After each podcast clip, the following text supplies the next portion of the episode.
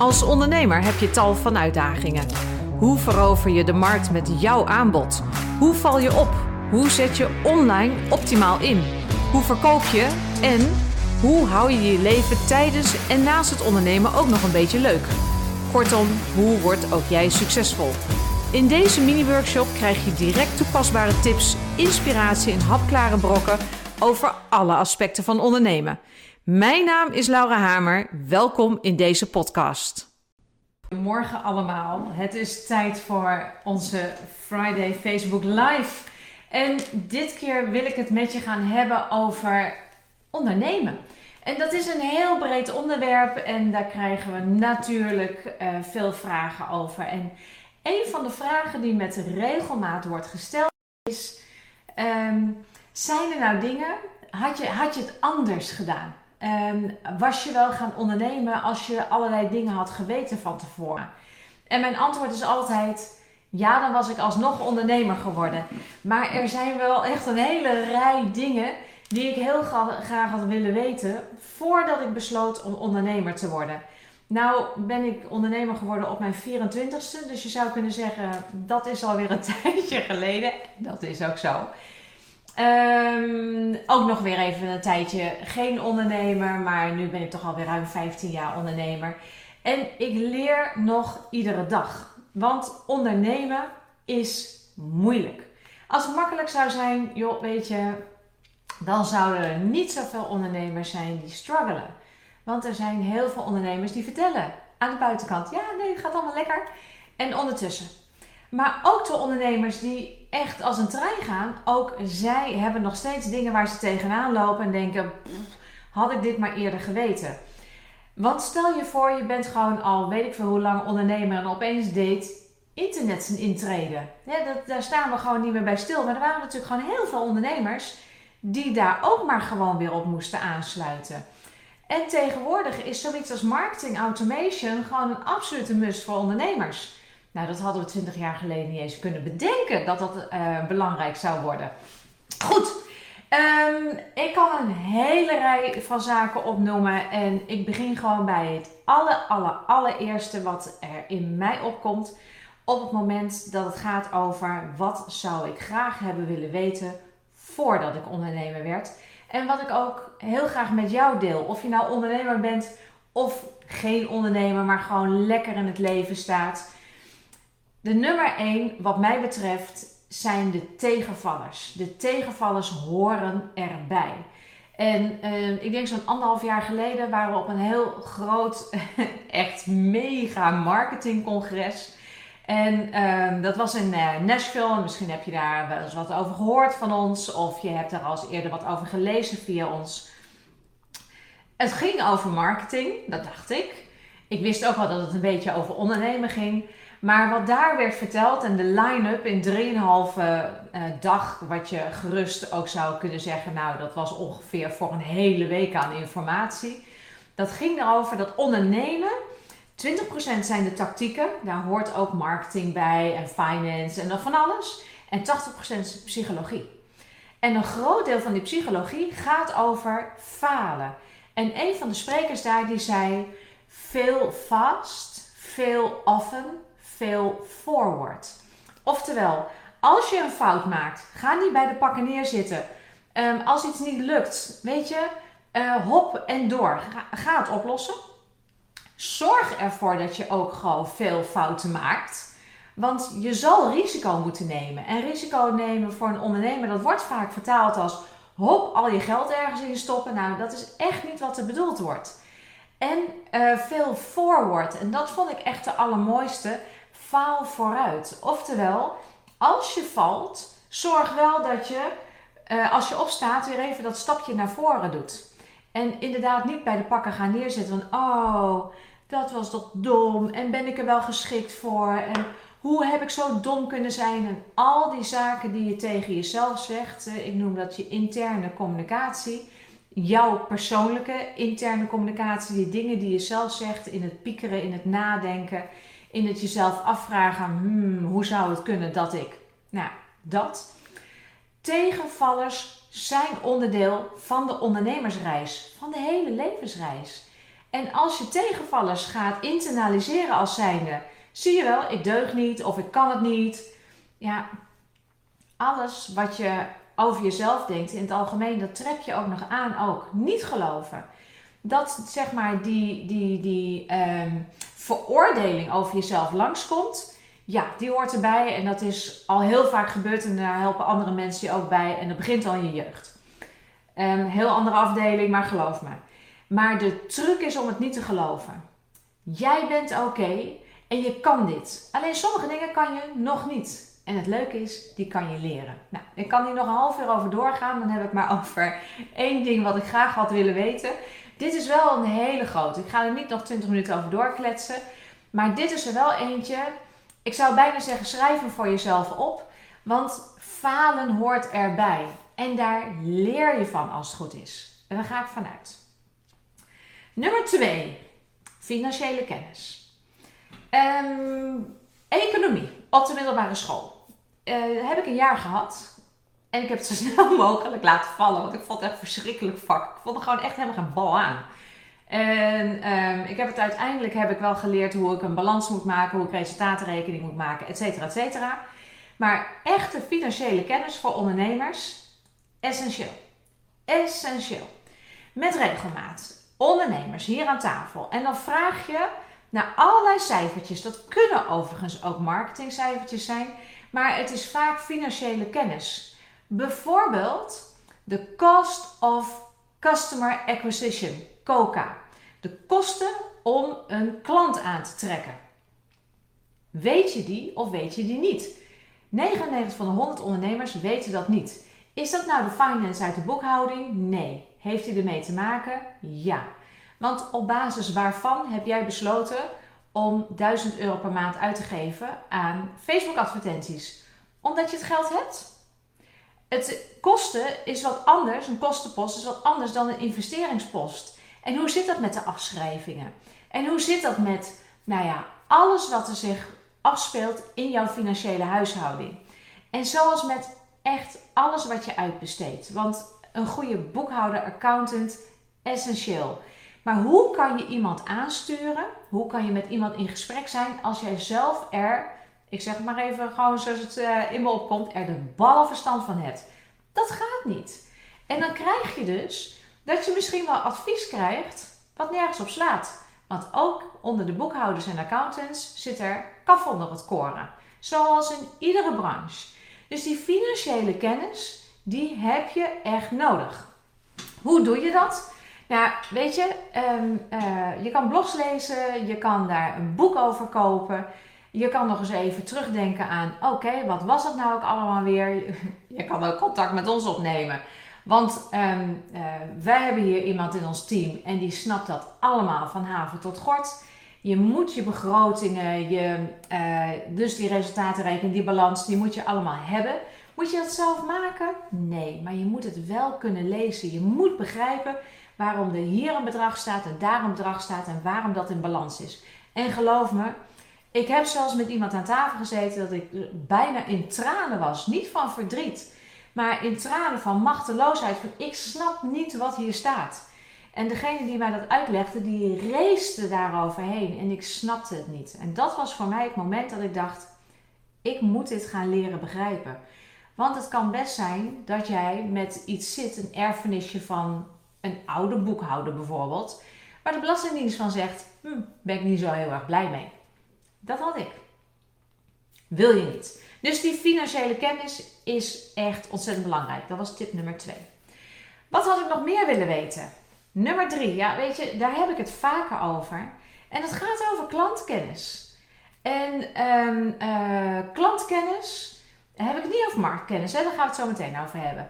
Klantkennis ik heb echt in het begin van mijn ondernemerscarrière nooit nagedacht over wat houdt mijn klant bezig, waar loopt hij tegenaan, wat is zijn of haar big domino, wat zijn de interne beliefs, wat zijn de externe beliefs. Nou, al die dingen die bij echte klantkennis horen, nooit over nagedacht. Echt helemaal nooit.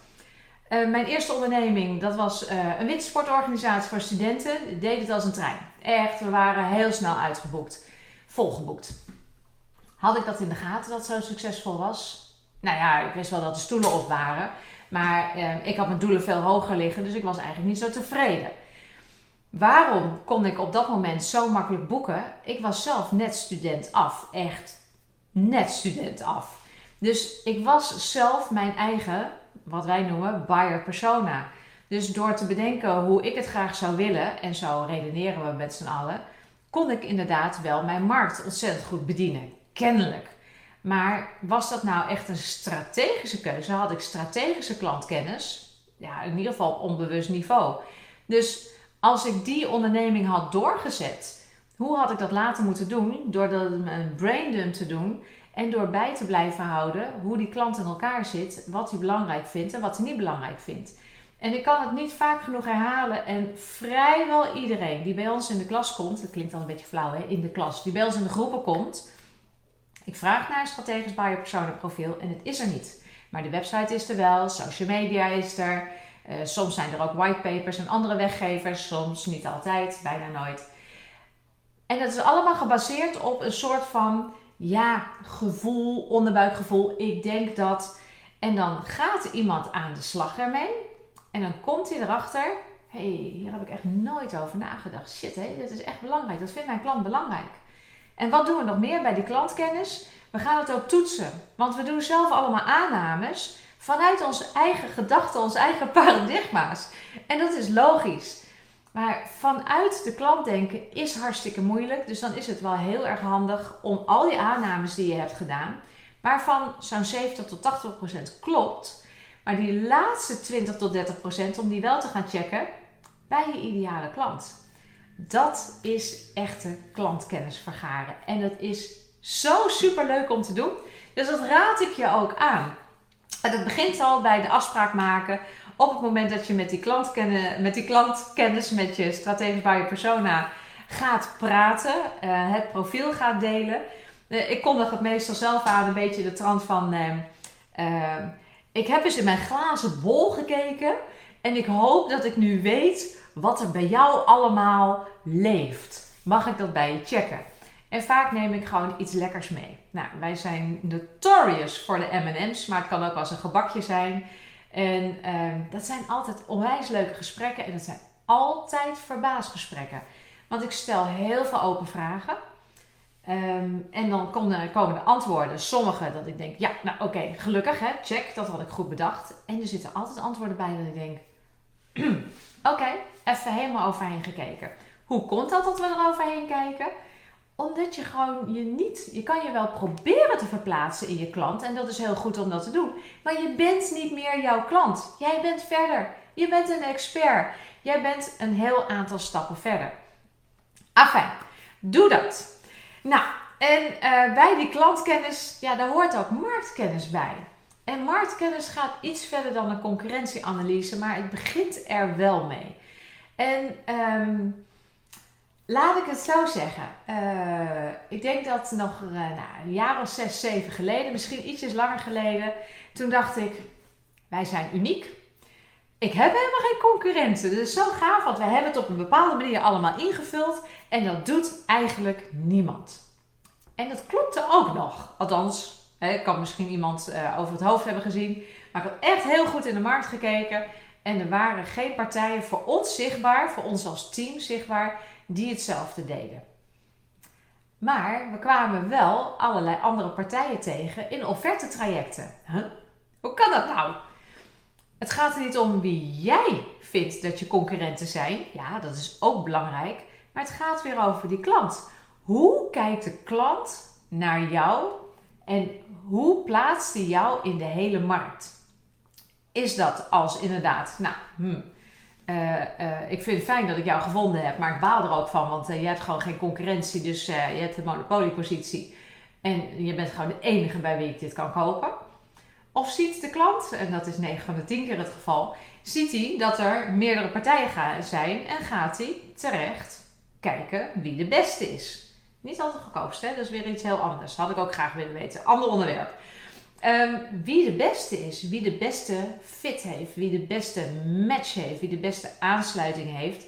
En dat komt uiteindelijk neer op wie het beste zijn of haar uitdagingen, problemen, wensen, doelen, dromen weet in te vullen.